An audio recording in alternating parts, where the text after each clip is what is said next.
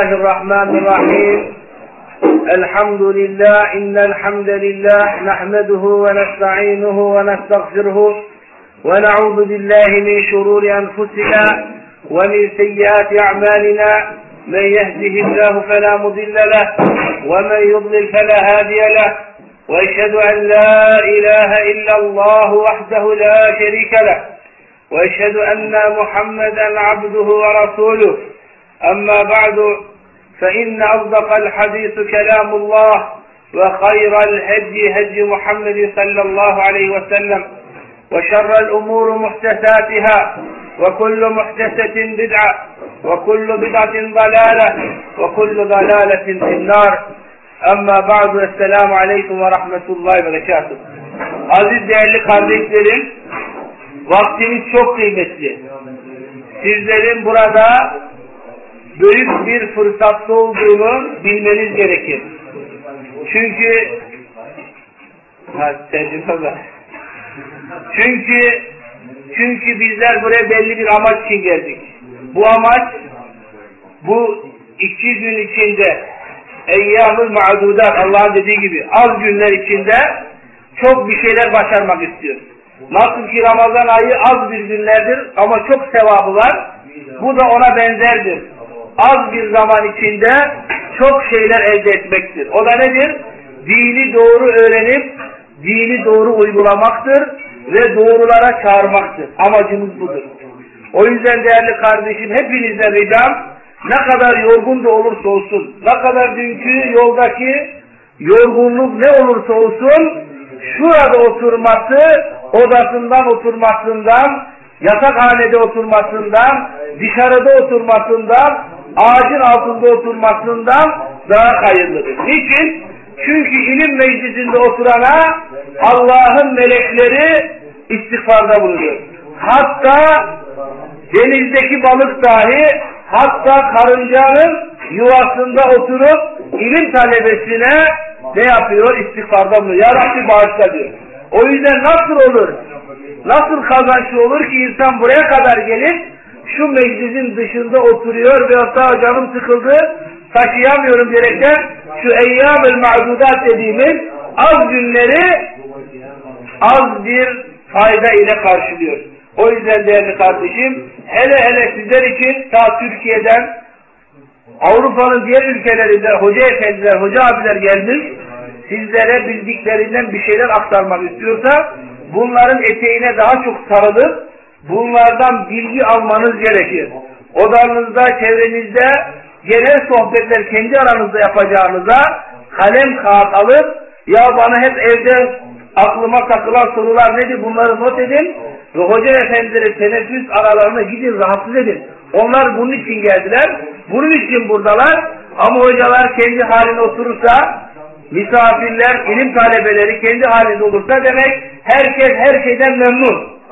Halbuki ümmetin halini görüyor. Ümmeti Muhammed kanlar içinde durumu çok vahim ve sizler gibi dinini bilen, dine kılavuzluk edecek insanlar arıyor. O yüzden değerli kardeşim sizin başınızda aklınıza takılan bütün bu konuları sorun. İlimin menbaasına gelmişsiniz.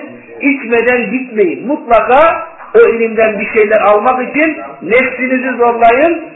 Şeytanın belini kırın. Nefsinizin isteklerini kıraraktan ben Allah için burada pazar gününe kadar sabredeceğim. Yorgunluklara tahammül edeceğim. Aç kalacağım ama ilimden taviz etmeyeceğim diyerekten düşünürseniz bu bile ibadettir. Bu niyetle burada kalmanıza dahi inşallah sevap yazılacak. Aziz kardeşim bizim konumuz çok önemli. İslam'ın en acı meselelerinden bir meseleyi işleyeceğiz ve konumuz bidattır. Her yerde duyuyoruz, her yerde işitiyoruz. İnsanlar dillerinde bidat bidat diye konuşuyorlar. Ancak bidat nedir? Bidatın tarifi nedir? Kısımları nelerdir? Dindeki çeşitleri nelerdir? Güzel bidat, çirkin bir bidat diye böyle bir ayrım var mı? Peygamberi aleyhissalatü vesselam bidatçı hakkında ne demiş? Bunun bidatın hükmü nedir? Kişiyi dinden çıkartır mı? Ne zaman büyük günah olur? Bunları bilmek mecburiyetindeyiz diye. Çünkü ümmet şu anda bidatlar deryasında yüzüyor. Sünneti bırak, bırakmış ve dinde olmayan asılsız işlerle meşgul oluyor. O yüzden hepimiz kendimizi bidatlerden temizlememiz lazım ve bidatı bende bulunuyor mu? Ve bende bidat var mı yok mu nasıl tespit ederim? Onu kısaca inşallah anlatacağız. Ardından da bazı kurallar vereceğiz. Bu kurallarından sonra İslam alemindeki en meşhur bidatleri anlatmaya çalışacağız. Ardından sünnete ittibanın altı tane şartı vardır. Yani bir insan diyorsa ki ben sünnet ehliyim, sünneti uyguluyorum, altı tane şartı yerine getirmesi gerekiyor. Eğer altı şarttan bir tanesi eksikse o sünneti yapmıyor demektir. Yanlış yapıyor ama sünnet yaptığını zannediyor. Halbuki bidat yapıyor. Yolu anlattıktan sonra kurtuluşun nerede olduğunu kısaca inşallah vaktimizle müsaade ederse e, anlatmaya çalışacağız. Zaten inşallah bu dersten sonra son ders bu e, öğlenden önceki. Ondan sonra yemek gelecek. Nasıl benden önceki hoca abilerim ders sizin saatinizden çaldılarsa ben de belki çalırsam bana müsaade edeceksiniz. Hakkınızı helal edin. Ben hakkımı helal ediyorum. Kusur varsa hakkınızı helal edin. Aziz kardeşlerim evvela bidatın tarifini yapmamız lazım. Bidat ne demektir? Bidatın tarifini Arapçada önce bakmamız lazım. Niçin bizim için Arapça önemli? Çünkü Kur'an-ı Kerim Arapçadır. Peygamber aleyhissalatü vesselam Arap idi ve bu din bize Arapça geldi. O yüzden Allah ne kastediyor? Peygamber ne anlatıyor anlamam için evvela Arapçayı bilmem lazım. Evvela Arapçayı bilmem lazım ki Allah'ın kastını anlamış olayım. Peygamberin söylediğini idrak etmiş olayım.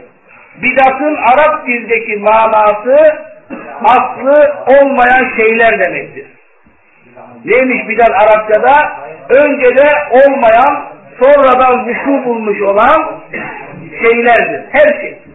Bu nedir? Bu bidattır.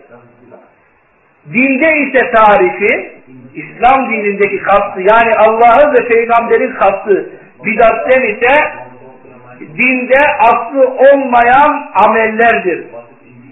Dinde aslı olmayan amellerden kasıt ibadette aleyhissalatü vesselama Allah katından bir haber gelmemiş veyahut da aleyhissalatü vesselam bu konuda ashab-ı kiramına rızvanullah aleyhi mecmain böyle bir şey bildirmemiş. Bu nedir? Bidattır. Önce yoktu, sonra vuku buluyor. Bidat iki çeşittir. İki çeşit bidat vardır. Birinci çeşit bidat örfte, adette olan bidattır.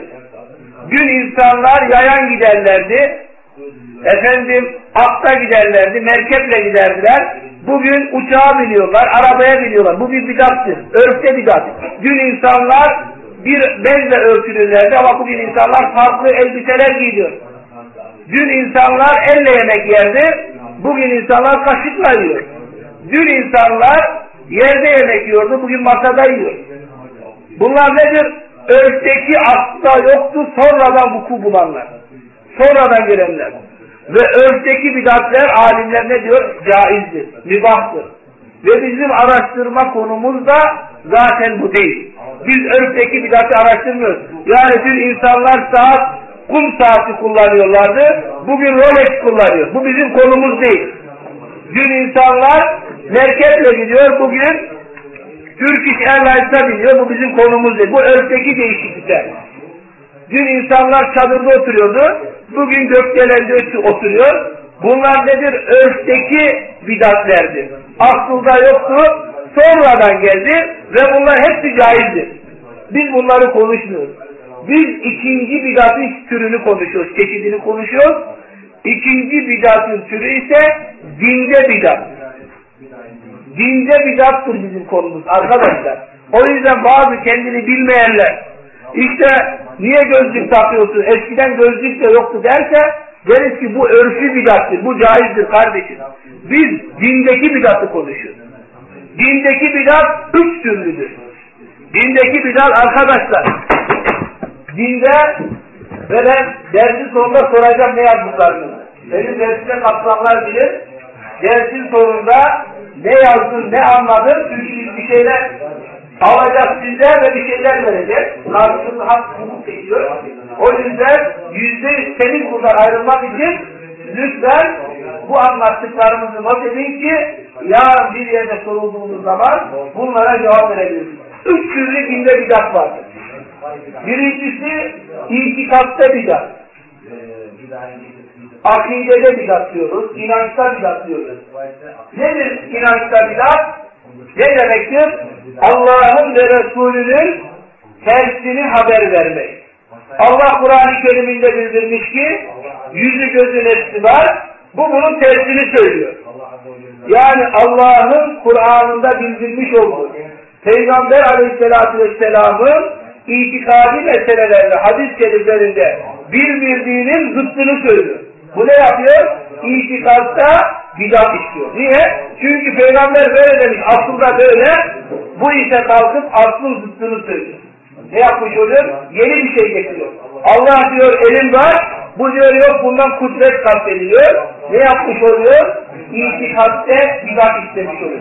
Nasıl Mutezile gibi, Kaderiye gibi bu sapık fırkalardan getirdikleri gibi akidede bidat işliyorlar. İkincisi arkadaşlar amelde bidat veyahut da ibadette bidat. Birincisi akidede bidattır. Şimdisi ise ikincisi amelde bidat.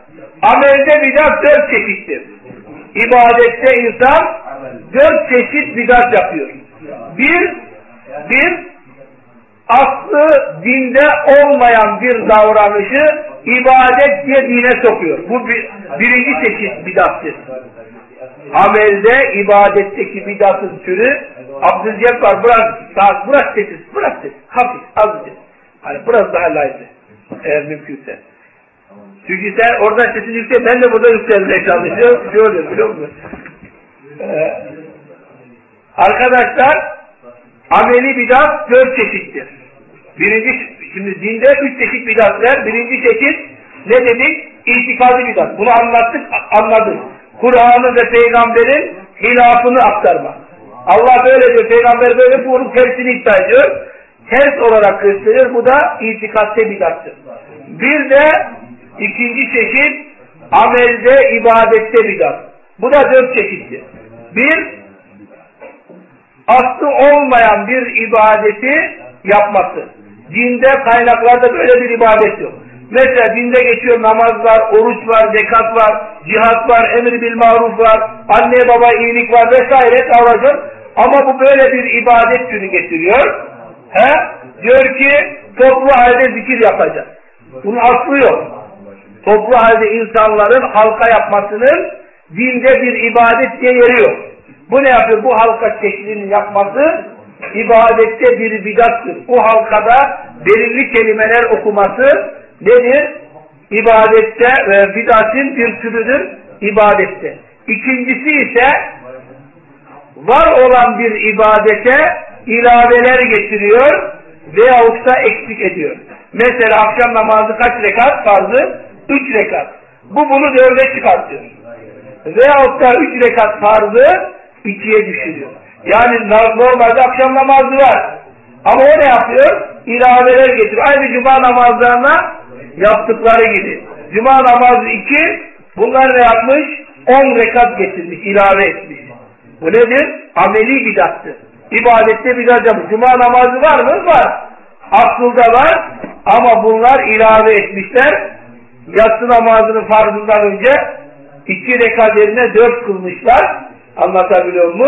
Yani mübah olan iki ezanla kâmet arası iki rekat en fazla caizdir. Bu ne yapmış? Dört yapmış. Bu ne yapıyor? İlave ediyor veyahut da azaltıyor. Azaltıyor. Ramazan orucu bir aydır. Bu ne yapıyor? Bunu üç aya çıkartıyor. Recep, Şaban ayı diyerekten üçe çıkartıyor. Üçüncü çeşit ise ibadetteki bidatler nedir? Dinde var ama yapılış şeklini değiştiriyor. Önceki ilave ediyordu, noksan ediyordu. Bu ise yapılış şeklini değiştiriyor. Mesela abdest alırken önce e, ağzımıza, burnumuza, yüzümüze, kollarımıza, başımıza, ayaklarımızı yıkarız. Bu ne yapıyor? Sırayı değiştiriyor. Önce bir ayakları yıkayacaksın. Şeklini değiştiriyor. Boynuna mesedeceksin. Bilmem şöyle böyle derken ne yapıyor? Şeklini değiştiriyor. Yoksa namaz kılacak diyor önce rukudan başla. Yoksa secdeden sonra ruku yap. Ne yaptı bu insan? Namaz kılıyor ama şeklini değiştirdi. İlave etmedi. Dört rekat kılıyorum diyor. Azaltmadı ama şeklini değiştirdi. Şekli de değiştirmek neymiş? Bidat ibadette. Ve dördüncü çeşit ise arkadaşlar, dördüncü çeşit ibadetteki bidatlerin dördüncü çeşidi ise belirli mekanları, belirli yerleri, belirli zamanları kutsal yapmaktır. Allah Kur'an'ında, sünnetinde, İslam dininde Kabe'nin fazileti anlatılır. Orada kılınan namaz, yüz bin namaz sevabına eşit olduğunu bildirir. Bu ne yapıyor? Diyor ki ne de namaz kılarsan 200 bin sevap var. Ne yapmış oluyor? Dinde aslı olmayan mekanlara kutsallık veriyor. İbadet yapsınlar insanlar. Diyor ki menzile de gidersen 70 hac sevabı alırsın. İşte Isparta'da falanın kabrini ziyaret edersen 30 defa şehit sevabı almış olursun. Ne yapıyor bunu? Mekan değerleri kutsallaştırıyor ve bu da nedir? İbadet için yaptığından dolayı ibadetteki bidatlerdir. Üçüncü çeşide geliyor. Bu ikinci çeşidi bitirmiş oluyor. Dört noktayı anlattık. Şimdi geri dönüyoruz. Dindeki üç çeşit bidatlerin üçüncü noktasına o da nedir arkadaşlar? Mübah olan şeyleri, caiz olan şeyleri Allah rızası için kendisine haram kılıyor. Anlatabiliyor muyum? Mübah olan. Evlenmek mübahtır. Ama diyor ki yok ben takvaya ulaşmak istiyorum. Allah'a katında e, ecrimi artmasını istiyorum. Ne yapıyor? Evliliği kendine haram kılıyor. Et yemiyor. Diyor et haramdır. Niye et haram? Diyor bana haram oldu. Niye haram? Çünkü diyor ki ben et yemeyerekten Allah'a yaklaşıyorum. Çocuğumu sevmiyor. Niye çocuğunu sevmiyor? Diyor dünyaya dalmayayım diye. Onlar meşguliyettir diyerekten mübah olan, çocuğu sevmek mübahtır, et yemek mübahtır, evlenmek caizdir. Caiz olan şeyleri ne yapıyor? Haram kılıyor kendine.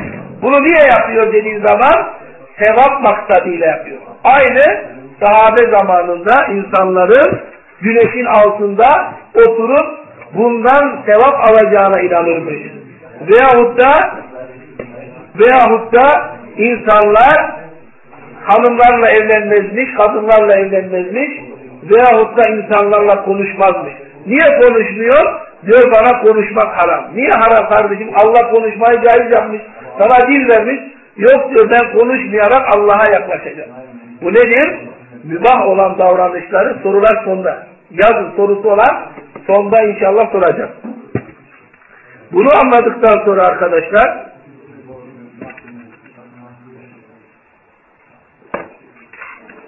Bunu anladıktan sonra arkadaşlar bidatın dindeki çeşitlerini anlattık sizlere. Peki bidatın hükmü nedir?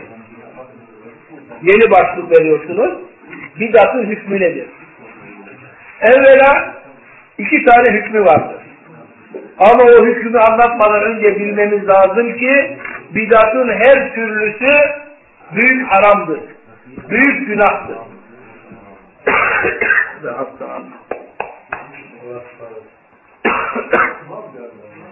Varsa da gidip o mendili var mı? Mendil olan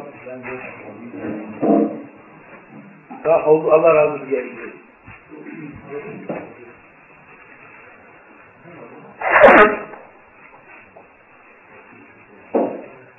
İki tane hükmü vardır. Ama ondan önce dedik ki bilmemiz lazım ki bidatın hepsi büyük günahlardan sayılıyor. Şirkten sonra en büyük günahlardan birisi bidattır. İki tane hükmü vardır. Birinci hükmü dinden çıkartmayan bidatler vardır. Nedir o mesela?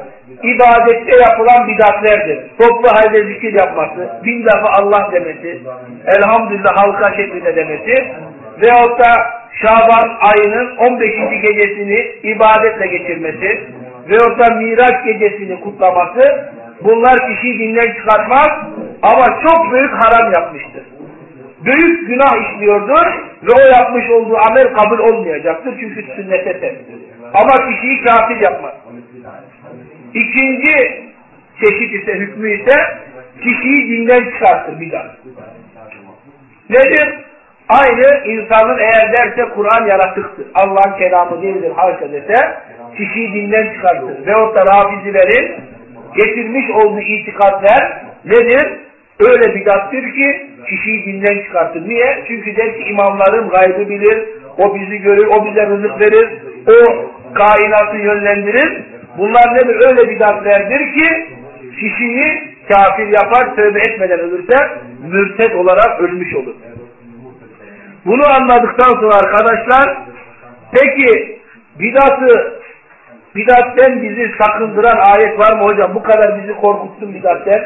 Peki bu konuda nerede ispatı diyorsa ona iki tane ispat getireceğiz. Yeter. Birincisi Kur'an'dan, ikincisi sünnetten. Birinci ispatımız Kur'an-ı Kerim'den Maide suresinin üçüncü ayetidir. Buyurur ki Allah Azze ve Celle El-yevme ekmeltu lekum dinekum. Bu ayet-i keriminde buyurur ki bugün dininizi tamamladım.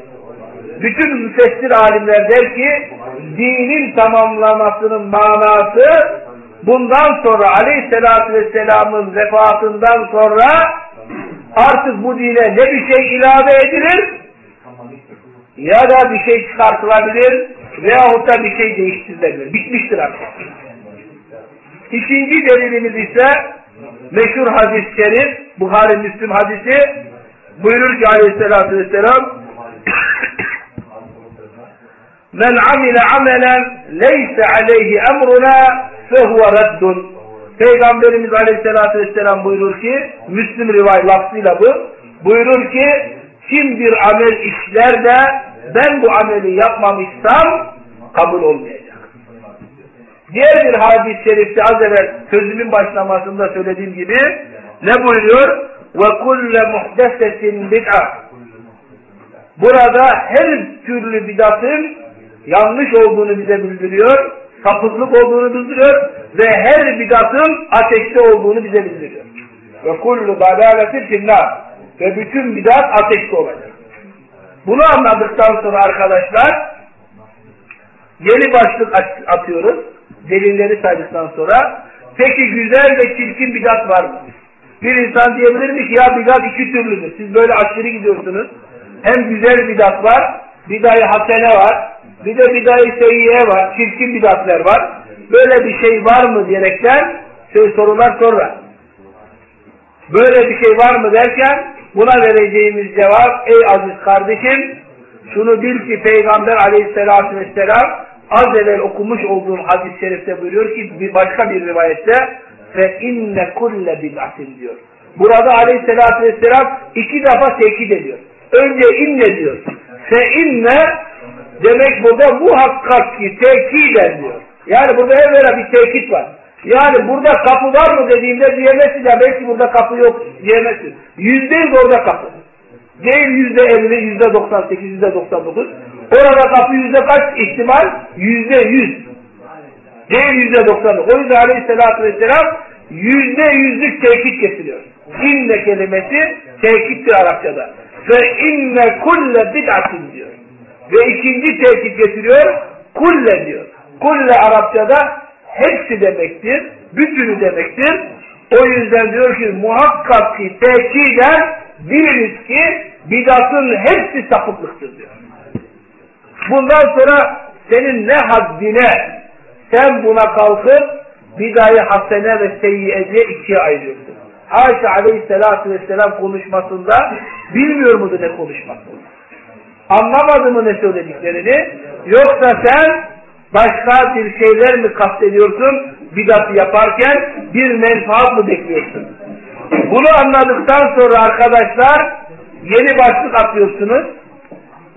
Peki neden bu ümmetin içine bidat çoğaldı? Bu ümmetin içinde neden, neden bidat yayılmıştır? Bunu yazıyorsunuz. Altı tane sebebi var. Bu ümmetin içinde bugün bidatler içinde bulunmasının sebebi altı tane sebebi var. Bu altı tane sebepten kendimizi temizlemediğimiz müddetçe hala bidatın içinde yatacağız. Nedir bunlar? Bir, el cehlu bil ahkamid din. İslam'ın emirlerinden habersiz olmamız, bilgisiz olmamız, cahil olmamız bizim bidatlerin içinde yaşamamıza en büyük sebeptir. Müslümanlar dininden haberi yok. Rabbini tanımıyorlar. Peygamberlerini tanımıyorlar. İslam dinini kaynaklarından bilmiyorlar. Bunu bilmediğinden dolayı insanlar bidatın içinde yüzüyorlar habersizler. İkinci sebep ise ittibaül heva, hevasına uymak. Hevasına uymak ne demektir? Dünya nimetlerini yüceltmek ve onlardan ayrılmamak için her türlü fedakarlığı yapmak. Nedir o fedakarlık? Allah'ın ayetlerini, hadislerini yalanlamak, ters çevirmek, bozmak. Niye? Çünkü diyor ben müftüyüm, müftülüğümü feda edemem, müftülük sandalyesi benim için daha büyüktür. Ben cami hocasıyım, bu cemaatten almış olduğum 1500 euroyu feda edemem, bu benim için daha büyüktür. O yüzden cemaat diyorsa kadınla tokalaşılır, erkek tokalaşılır diyebilirim. Efendim böyle nasıl istiyorsa cemaat öyle seçmaya razı. Bunu niye yapıyorsun? Çünkü o ölmeyeceğini zannediyor zavallı. Toprağa girmeyeceğini, ölümün ona gelmeyeceğini zannettiğinden dolayı hevasına uymuş. O bulunmuş olduğu dairesini, evini, arabasını, maaşını o kadar yüceltiyor ki bunu elinden kaybetmemesi için Allah'a ve Resulüne hükümlerine yalan söylemek veyahut da insanların cahil kalmasına veyahut da öğrenmemelerine ne yapmaktır? Zemin hazırlamak. Buna nedir? Hevasına uymuş. Yani bulunmuş olduğu şeylere razı adam. Ve bunlarda vermek istemiyor. Diyor ben ayeti de inkar ederim, hadisleri de söylemem, imamların görüşünü de almam, yeter ki beni görevimden atmasınlar. Hakkı söylememdir. O yüzden değerli kardeşim, ümmet bidatlerden ayrılamıyor. Üçüncü sebep ise üçüncü sebep ise belirli görüşlere, belirli liderlere aşırı derecede bağlanmaktan dolayı bidatler arasında insanlar. Müslümanlar bidatlerden kurtulması için belirli çevrelerin görüşüne, belirli insanları aşırı yücelttiklerinden dolayı ne oluyor? Bidat içinde kalıyorlar. Ve en büyük şirke götüren yollardan birisi de insanlar hakkında aşırı gitmektir. Nuh Aleyhisselam'ın kavminin helak oluş sebebi salih insanlara aşırılık duymaktır. Bugün insanlar bidatler içinde olmalarının sebebi belirli insanlara aşırı derecesine bağlanmalarıdır. Belirli derecede onların görüşünü Kur'an'la ve sünnetle mukayese etmeden kabul etmektir. Adam diyor ki bana Kur'an anlatma, sünneti anlatma, şeyhim demişse kabul ederim. Adam diyor ben Allah adına yemin etmem önemli değil. Yalan da söylerim, Allah'ın adını da kullanırım. Ama şeyhimin adına yemin ettim mi haşa yalan söyleyemem. Bu ne yapmış? Belirli kişileri, görüşleri Allah'tan ve Resulünden üstün tutmuş. E bu hastalık olan adam bidatlerde olmayacak da ya neydi olacak? O yüzden değerli kardeşim bu bidatlerden kurtulmak istiyorsak kimse yüceltmeyecek. Herkes hata edecek. Doğrusunu alacağız, ispatlı olanı alacağız, yanlışa da yanlış diyeceğiz. Çarpılırız, yok böyle olamaz, o yanlış edemez, o çok bilgili diye bir şey demeyeceğiz. Niye? Çünkü biz Hazreti Ebu Bekir'e demişiz hata edebilir. He? Hiç utanmadan, sıkılmadan diyebiliyorsa Hazreti Ebu Bekir hata edebilir. O insanlar hayli hayli hata edebilir. E bunlar çünkü Ebu Bekir'in tırnağı olamaz. Onun seviyesinde olamaz. E biz bunu diyebiliyorsak adam diyor ki evet Ebu Bekir hata etmiştir, Ömer hata etmiştir. E peki sahibi nefsi diyoruz. Haşa diyor. Euzübillah. Ya sen hem utanmıyor musun diyor. Sen Ebu Bekir'le sahibi bir mi yapıyorsun? Bu büyük bir ayıp bir şeydir. Arkadaşlar biz burada komik bir şey anlatmıyoruz. Bu bidatın aşırılık olmasının sebebi belirli görüşlere ters bir şekilde bağlanıp onlarda taviz vermemektir. Ben diyorum sana Kur'an getireceğim. İhlas suresini açacak veyahut da herhangi bir sure açacak. Diyecek ki bu ayet beni anlatıyor. Seyfettin'i anlatıyor. 1400 sene sonra gelecek. Seyfettin'i anlatıyor desek, Ebu Enes'i anlatıyor desek sapıksın diyeceksin. Ya aynısını senin hocan diyor kitabında. Hamil ayeti diyor bana inmiş. Falan sure bana inmiş. Falan yer bana inmiş diyorsun. Bunu görmüyorsun. Anlatabiliyor ve diyorsun ki bu dünyanın en mükemmel tefsiridir. Arkadaşlar o yüzden bu hastalığı biz futbol takımı tutmuyoruz. Biz İslam dinini Allah için yaşamak istiyoruz. Onun emirlerine göre yaşamak mecburiyetindeyiz. Beşinci sebep, kaçıncı sebebe geldik? Dördüncü sebep, acele edelim. Dördüncü sebep ise arkadaşlar, kafirlere benzemekten dolayı ümmet bidat içinde yaşıyor. Kafirlere bakıyoruz, kiliselerini süslemişler, biz de camimizi süslüyoruz. Kafirlerin evliliklerine bakıyoruz, biz de evliliklerimizi onlar gibi yapıyoruz. Budistlere bakıyoruz, Yahudilere bakıyoruz, Hristiyanlara bakıyoruz. Diğer dinlere bakarak da onlardaki olan davranışları İslam'a sokuyoruz. Bu nedir? Bundan vazgeçmemiz lazım. Müslüman, Müslüman şahsiyetinden asla utanmamalı. Allah Azze ve Celle Müslümanlığı şerefli, izzetli kıldığını bildiriyor.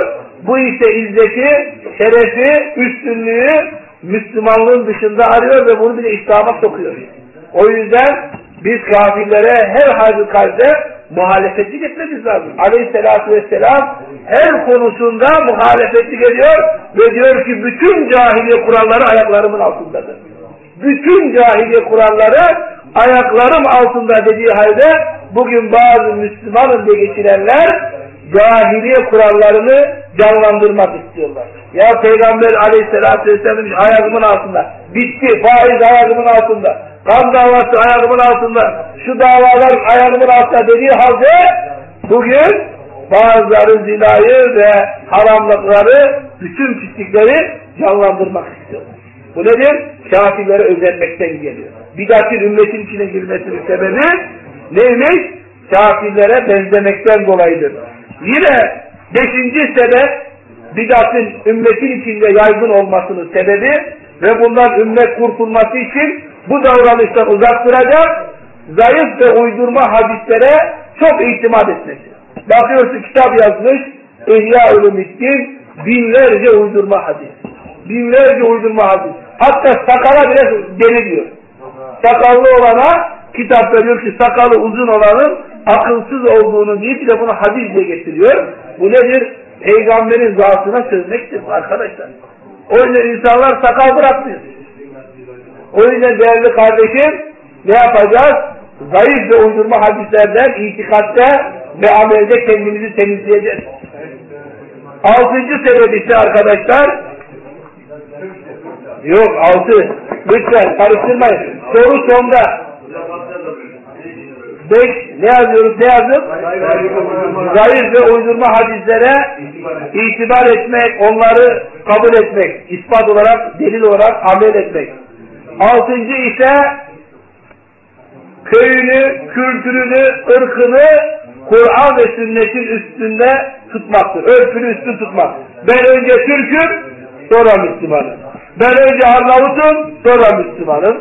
Ben önce Endonezyalıyım, sonra Müslümanım diyerekten örfünü, kültürünü şey yapıyor, üstün tutuyor. Geçenlerde bizim mescide bir toplantı vardı, Arnavut kardeşlerin toplantısı vardı. Bir ırkçı Arnavut geldi, her ondan sonra geleni ayağa kalkıyor. Durmadan ayağa kalkıyor. Ayağa bir de böyle bir boynu büküyor. Oradan bir Arnavut kardeş ona dedi ki, tabi ben anlamıyorum Arnavut söylüyor, ben ilerideyim. Ona dedi ki ya bak sen böyle yapın peygamberimiz dememiş her gelene ayağa kalkın. Bir de kendini böyle büküyorsun. Gerek yok. Dedi hop dedi ben önce de Arnavut kültürünü, örfünü yaşarım. Ondan sonra Müslümanım dedi. Anladınız mı? O yüzden değerli kardeşim biz ise diyoruz hayır. Biz önce Müslümanız ve kültürümüz Kur'an ve sünnete ters ise orada dur diyoruz. Çünkü bu hepsi cahiliyedendir. Cahiliye kurallarındandır. Düşünün Endonezya en canlı örnek. Bugün Endonezya'da birisi evlenmek istediğinde erkek mehir veriliyor. Halbuki dinimizde sünnet olan erkek kızı istediği zaman mehrini verecek, evlenecek. De tam tersi. Kız gidiyor, kocayı arayacak, bir de mehir ödeyecek. Bu en büyük zulümdür. Anlatabiliyor mu? Ve haramdır üstelik. Ama dediğimiz zaman Endonezyalı kardeşlere, diyor biz Endonezyalıyız. Bizim için örfümüz daha üstündür diyerekten haşa Allah'ın ve peygamber emirlerine karşı geliyorlar. Demek ki bidatın yaygın olmasının sebeplerinden birisi neymiş? Örfü ve kültürümüzü, ırkımızı, gelmiş olduğumuz yeri Kur'an ve sünnetten üstün görmek ve bundan uzaklaşmadığımız müddetçe ne olacak? Bidatlar aramızda devam edecek. Bunu anladıktan sonra iki tane kural getiriyoruz. İki kural var. İki kural var. Bidatı nasıl tespit edebiliriz? Veyahut da bende bidat var mıdır? Bu bidatı nasıl tespit edebilirim diye iki kural var. Birinci kural arkadaşlar bir ibadet yapmadan önce onun kaynağını sormak lazım. Birisi sana dese gel şurada namaz kılalım, gel falan tepeye çıkalım, gel falan yerde zikir edelim dediği zaman ona diyeceksin ki bunun ispatı var mı? İspat getir. Babam yaptı, geçersiz. Annem rüyasında görmüş, geçersiz. Falan, falan şey öyle yapmış, geçersiz. Falan veri, falan yerde öyle anlatmış kitabında, hepsi geçer. Ta ki bana Kur'an ve sünnetten ispat getirmediğim müddetçe bu geçersizdir. İkinci kural ise, bu birinci kuraldır.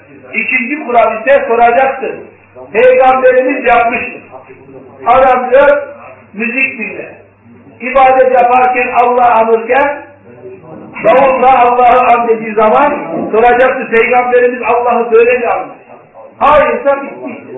Sakal yok. Peygamber sakalını kesmiş, kesmemiş. Yapacağım o zaman sakalını bırakacak. Peygamber ne yapmış hep bunu soracak. Peygamberimiz demiş bu şu tepede namazdır. Yoksa yapmayacak. Varsa yapacak. Yani her zaman ne soracak? Peygamberimiz nasıl yapmış? Peygamberimiz nasıl namaz kılmış? Nasıl oruç tutmuş?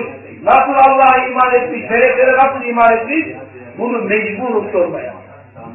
Bunu anladıktan sonra yeni başlık atıyoruz. Alimler ne söylemiş bidat hakkında? Alimler iki tane alim getirecek. Bir geçmişteki alim, bir de günümüzden bir alim. Geçmişte alim İmam Malik bin Enes'i getirecek. Rahmetullahi aleyh. Neşet imamlarından bir imam. He? Ve günümüzdeki yaşamış vefat etmiş olan zamanın müştehidi, müceddidi, muhaddisi, müfessiri Şeyh Muhammed Nasruddin el-Albani rahimahullah'dan iki tane söz getirecek. Bir tanesi İmam Malik'in, diğeri İmam Şeyh Albani'nin sözleri. İmam Malik rahmetullahi aleyh buyuruyor ki kim derse güzel bir bidat var bilsin ki o peygambere en büyük ihaneti yapmıştır. Niye? Çünkü Allah Kur'an-ı Kerim'inde buyuruyor ki bugün din tamamlandı. O ise diyor yok. Peygamber bunu da unuttu. Şunu da yapmamız lazımdı. Şu tarikatı da unuttu. Nakşi'yi de unuttu. Hasan Veli'yi de unuttu diyerekten Bayram Ali'yi de unuttu diyerekten ne yapıyor? Peygamber'e en büyük yalanı atıyor. O yüzden bir kural getirir. Bunu yazın. Şu kuralı söyleyeceğim kuralı yazın. Ne buyuruyor? İmam Malik diyor ki فَمَا لَمْ يَكُنْ يَوْمَ اِذٍ دِينًا فَلَمْ يَكُنِ الْيَوْمِ مِنَ الدِّينِ Bu çok önemli kuraldır. Nedir o? Diyor ki o zaman dinden olmayan şey bugün de dinden değildir. O zaman dinden sayılmayanlar bugün de dinden değildir. O zamanlar peygamberin e, doğum gününü kutlamak dinden değildiyse bugün de dinden değil. İkincisi ise aziz kardeşim Şeyh Muhammed e, Albani'nin sözünü diyeceğiz. Buyuruyor ki her Müslüman bilmesi lazım ki ne kadar küçük bir bidat dahi yapsa ne kadar bidat küçük de olsa o büyük bir günah işlemiştir. Ve size soruyorum şu camimize birisi içkiyle gelse, bira şişesiyle gelse ve başlasa burada herkese viski, şarap dağıtmaya başlasa tepkimiz ne olur? Razı olur muyuz? Onun o büyük günahını aramızda yapmasına itiraz ederiz. Veyahut da evimizde birisi gelse içkiyle, domuz etiyle evimizin etrafına başlasa yaymaya. Biz ne yaparız? Tepki koyarız. E diyor ki nasıl olur o zaman bidata tepki koymuyoruz. Adam büyük günahla içeri girmiş, bidatler yapıyor ve hepimiz razıyız. Olur mu böyle şey? Nasıl olur? Müslüman büyük bir harama, getirmiş olduğu harama bidata sukut eder. Halbuki içki olsa sukut etmeyeceğiz. Domuz olsa sukut etmiyoruz da bidat onlardan daha tehlikeli. Domuz etinden, içkiden daha büyük günahtır. Bunu da Şeyh Albani rahmetullahi aleyh buyuruyor. Bunu söyledikten sonra ümmet-i İslam'da en meşhur, en yaygın olan bidatler. Yeni başlık İslam aleminde en meşhur olan bazı bidat örneklerinden örnekler getireceğiz. Bir, Peygamber aleyhissalatü vesselamın doğum gününü kutlamaktı. Kutlamak ama şimdi gün hafta oldu. Bidate bakın. Eskiden doğum günüdü. Şimdi doğum haftası oldu. Bir gün olacak. Doğum ayı olacak. Artık her yüz senede artık doğum yılı yapacaklar Allah'a. Bak bidat hep daha büyük bidat getiriyor. Ve haftada daha büyük şirkler yapıldı. Daha büyük haramlar işlendi. Bunu anladıktan sonra İsra ve Miraç gecesini kutlamak Miraç gecesini kutlamak yaygın olan bidatler örneklerinden biridir. 3. Şaban ayının 15. gecesini ibadetle geçirmek, o geceyi kutsal geçirmek yaygın olan bidatlerdendir. 4. Recep ayını Recep ayını ibadet ayı diye ilan etmek komple 30 günü nedir? Bidatlerdendir. Çünkü Ramazan ayıdır ibadet ayı. 30 gün boyunca Allah Azze ve Celle oruç tutarız, teravih namazı kılarız, zekat fitre verilir, itikaf yapılır, ümre yapılır. Bunlar bunu Recep'e çevirmişler. Yaygın. Bir bakıyorsun herkes Recep ayında ümreye gidiyor. Niye ümre gidiyor? Diyor ki bu beş hacca bedeldir. Anlatabiliyor muyum? Anlatabiliyor muyum? Normalde olan bütün yıl ümre yapabilir ama bunlar Recep ayını özel yapıyorlar. Veyahut da doğum günü kutlamak. Ve bundan önce bu bidat gecelerinde, kutlanan gecelerde yapılan yemeklerden yemek haramdır beyler. Bizim maalesef bazı kardeşlerimiz bidat yerlerinde kendileri o bidatı kabul etmediği halde onlara püskü ikram edildiği zaman, çikolata ikram edildiği zaman, yemek, baklava doğum haftası nedeniyle dağıtıldığı zaman ondan yiyorlar. Bu haramdır, kusması lazım. Tövbe etmesi lazım. Haram istemiştir. Haramdır, bunun şakası yok. O gecelerde çocuğuna hediye vermek haramdır. Bazı kardeşlerimiz işte peygamberi hatırlasın diye peygamberin doğum gününde çocuğuna hediye alıyor. O hediye haramdır. O hediye çocuğun giymesi haramdır. O niyetle almışsa haramdır. Ama tevafıken o güne gelip almışsa o niyetle almamışsa caizdir. Yani ibadet niyetiyle o geceyi, o haftayı Allah'a yaklaşma için yapıyorsa bilsin ki haram işliyor, büyük günah işliyor ve ona ortak olamaz. O gece orada harcanan paralar hepsi haramdır. O etler meyyitedir, o pastalar meyyitedir. Ne hükmündedir? Ondan sonra aziz kardeşlerim yine meşhur olan, yaygın olan bidatlerden ümmetin olan beşincisi nedir? Toplu halde zikir yapmak. Hepinizi bildiği gibi halkalar yapıyorlar. Bu halkalarda huğular çekiyorlar. Beş, altı belirli mekanları, belirli yerleri ve belirli şahısları, ölülerini ve otladirilerini teberrük yapmak. Ne demek o? Belirli bir mekana, belirli bir yere gidiyor, canlı ve da ölü kabire gidip oralara el sürüyor, sonra onu vücuduna sürüyor. Niye sürüyorsun? İşte bendeki hastalığı gidersin, bana fayda versin veyahut da zararı gidersin. Anlatabiliyor muyum? Ve bunu da aşırı giderekten şimdi bir de çıkartmışlar, şeyhin resmini taşıttırıyorlar. Şeyhin resmini taşıyorlar. Hatta kadınlar bile taşıyorlar. Turbanlı, yaşlı adamı hanımına resmini taşıttırıyor. Ben de diyorum ki o resmi değiştir bari genç resim koy. Sen nasıl Müslümansın? Hanımına, hanımına yabancı erkek resmi taşımasına müsaade ediyorsun. Daha kötüsü, bu bir büyük bir haram. Bir de bunun yanında hanımın darda kaldığı o resimler, o tipsiz adamlar bir de yardım hissettiriyor. Haramdır kardeşim. Bu haramdır ve şirke getiriyor. Bunu bilmeniz lazım arkadaşlar. Ve bunu eğer bacılarınızda varsa, annelerinizde varsa, yengelerinizde varsa, teyzelerinizde varsa, halalarınızda varsa bunu incittirmek mecburiyetindesiniz. Müslüman kıskanç olur. Nasıl olur namusunu taşıdığı cüzdanında yabancı bir erkeğe. Bir de ondan medet umması dinden çıkartılır. Bunu da anladıktan sonra bir de toplu halde Fatihalar okunması nedir? Bidat olan, yaygın olan örneklerdendir. El Fatiha demeleri. Veyahut da namazda niyetli dille niyet etmek bidatlerden, yaygın olan bidatlerdendir İslam aleminde. Ne yapmıştır? İşte neveyse rusalle salatı zuhral farza vesaire niyet ettim Allah rızası için şu namazı kılmaya diye bu niyetler hepsi yaygın olan bidatlerdendir.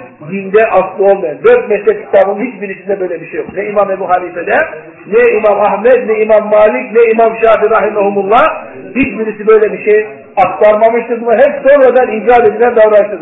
Peygamberimiz iki yerde diliyle niyet getiriyor. Birisi kurbanını keserken diyor ki Ya Rabbi bu senin kulun Muhammed'den diyerekten Bismillah Allahu Ekber bir kurbanını kesiyor. Diliyle burada telaffuz etti. Diğer yerde ise hac ve ümrede ihram elbisesini giydikten sonra diliyle de bu niyetini telaffuz etmiştir. Onun dışında hiçbir yerde diliyle aleyhissalatü vesselam bir niyet getirmemiştir. Ne abdest alırken, ne namaz kılarken, ne oruç tutarken, ne zekatını verirken diliyle böyle bir telaffuz hepsi nedir? Bidatlerdendir. Bunu anladıktan sonra çözüm nedir? Sonuç mecburuz sünnete bağlanmaya ve peygamberin sünnetine sarılmaktan kurtuluş aramaya. Peki sünneti yaşayabilmem için dedik ki gerek yok yeter bu kadar. Yeter yani. Örnekler bitmez. Arkadaşlar, aziz kardeşlerim, şimdi ben bir sünnet yapmak istediğim zaman altı şeye dikkat etmem lazım. Maalesef bu konuda çoğu kardeşlerimiz bilinçsiz. Kendisini ehli sünnetten zannediyor. Kur'an ve sünnetle amel ettiğini zannediyor. Ama sünnet uygulamasında eğer o altı şarttan bir tanesi eksik oldu mu sünneti yapmamıştır. Altı tane şart vardır. Nedir o birincisi? Bir ibadeti yaparken onun sebebini araştıracak. İbadet yaparken yani mesela yağmur yağıyor. Yağmur yağdığı zaman adam kalkıp iki rekat namaz kılıyor. Diyorsun arkadaşım sen niye namaz kıldın? Bu namaz kılmanın sebebi neydi? Diyor ki bunun sebebi yağmur yağdı diye. Bu sünnet değildir arkadaşlar. Bu sebepten dolayı peygamber namaz kılmamıştır. Anlatabiliyor muyum? Tavaftan sonra iki rekat namaz kılarsın. Niye iki rekat namaz kıldın? E, Kabe'yi tavaf ettiğim ondan sonra iki rekat. Ha bunun sebebi var. Tamam. Anlatabiliyor Bu birinci şart. Yani ibadetin sebebi aranır. İki, cinsi aranır. Mesela adam fitre zekat verecek. Peygamber aleyhissalatü vesselam fitre zekatın cinslerini saymıştır. Demiştir hurma, pirinç, arpa, kuru üzüm saymıştır bunları. Mercimek vesaire. Bunlar nedir? Zekat fitrenin cinsidir. Bu adam diyor ben para veriyorum. 10 euro. Para olarak veriyorum. Bu cinsten değildir. Sünnete tersdir. Sünnet yaparken cinsiyle doğru olması lazım. Senden hurma isteniliyor, pilav isteniyor, pirinç isteniyor, bulgur isteniyor, arpa verebilirsin, kuru üzüm verebilirsin. Bu cinsler caizdir. Ama sen cinsi olmayanı cins olarak, para olarak verirsin. Bu da nedir? Sünnete tersdir. Üç, miktarını bilmesi lazım. Eğer sünneti yapmak istiyorsa miktarı bilecek. Ben sünnete uyuyorum diyorsa akşamı üç yerine dört kılarsa ne yapmış olur? Sünneti yapmamış olurdu. Miktar nedir akşam namazının? Üçtür. Telefon çalıyor. Orada telefon var. Şey saati kapatın. Saat açıyor orada bak saat. Rekla var. Tamam Allah razı olsun.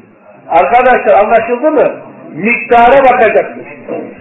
Ben tavaf yapacağım ama yedinci dönüşten sonra daha devam edersem, dokuz ona geçersem, durup iki rekat namaz kılmazsa tavaf namazı, ne olmuş olur? Tavafın miktarını yanlış yapmış olur, sünnet değil bidat yapmış olur. Demek miktar önüne. Her amel yaparken bunun miktarı nedir? Gece namazı kılacak. Bunun miktarı nedir kardeşim? Oruç tutacak. Kaç gün tutarım? Bunun miktarı nedir? Her ibadetin miktarı vardır. Sünnetle o miktar eşit olması lazım. Eşit değilse dedik başta sebep eşit olacak. Cins aynı olacak.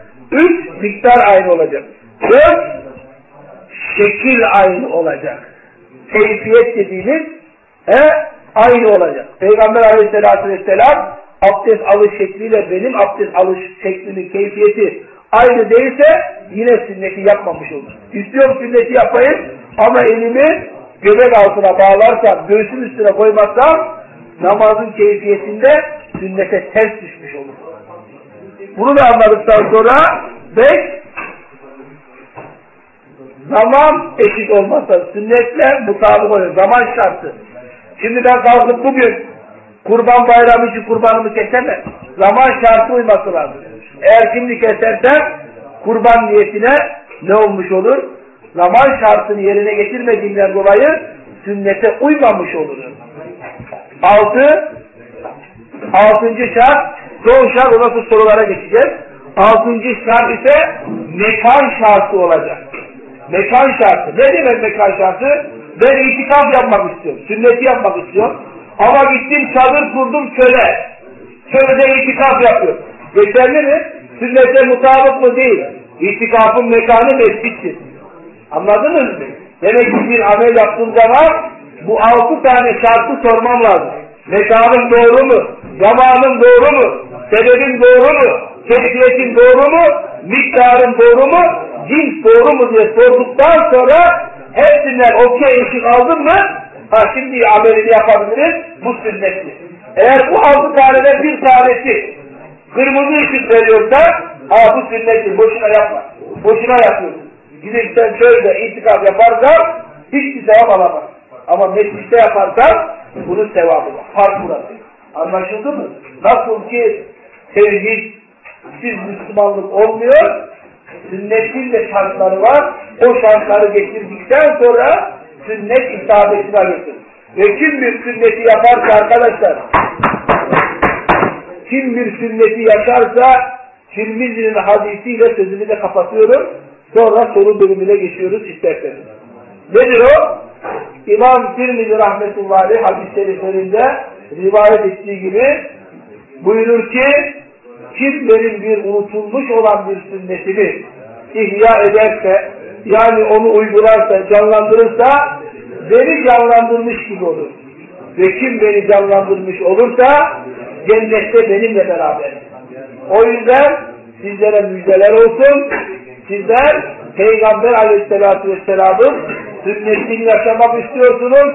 Onu yaymak istiyorsunuz.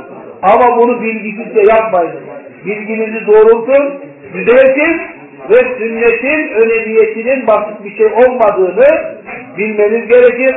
Allah hepinizden razı olsun. Ve ahiru davana elhamdülillahi rabbil alemin. سبحانك اللهم وبحمدك eşhedü en la ilahe illa ente estağfiruke ve etûbü ileyk. Böyle var. Önce sevmekti. Sonra böyle böyle gidelim.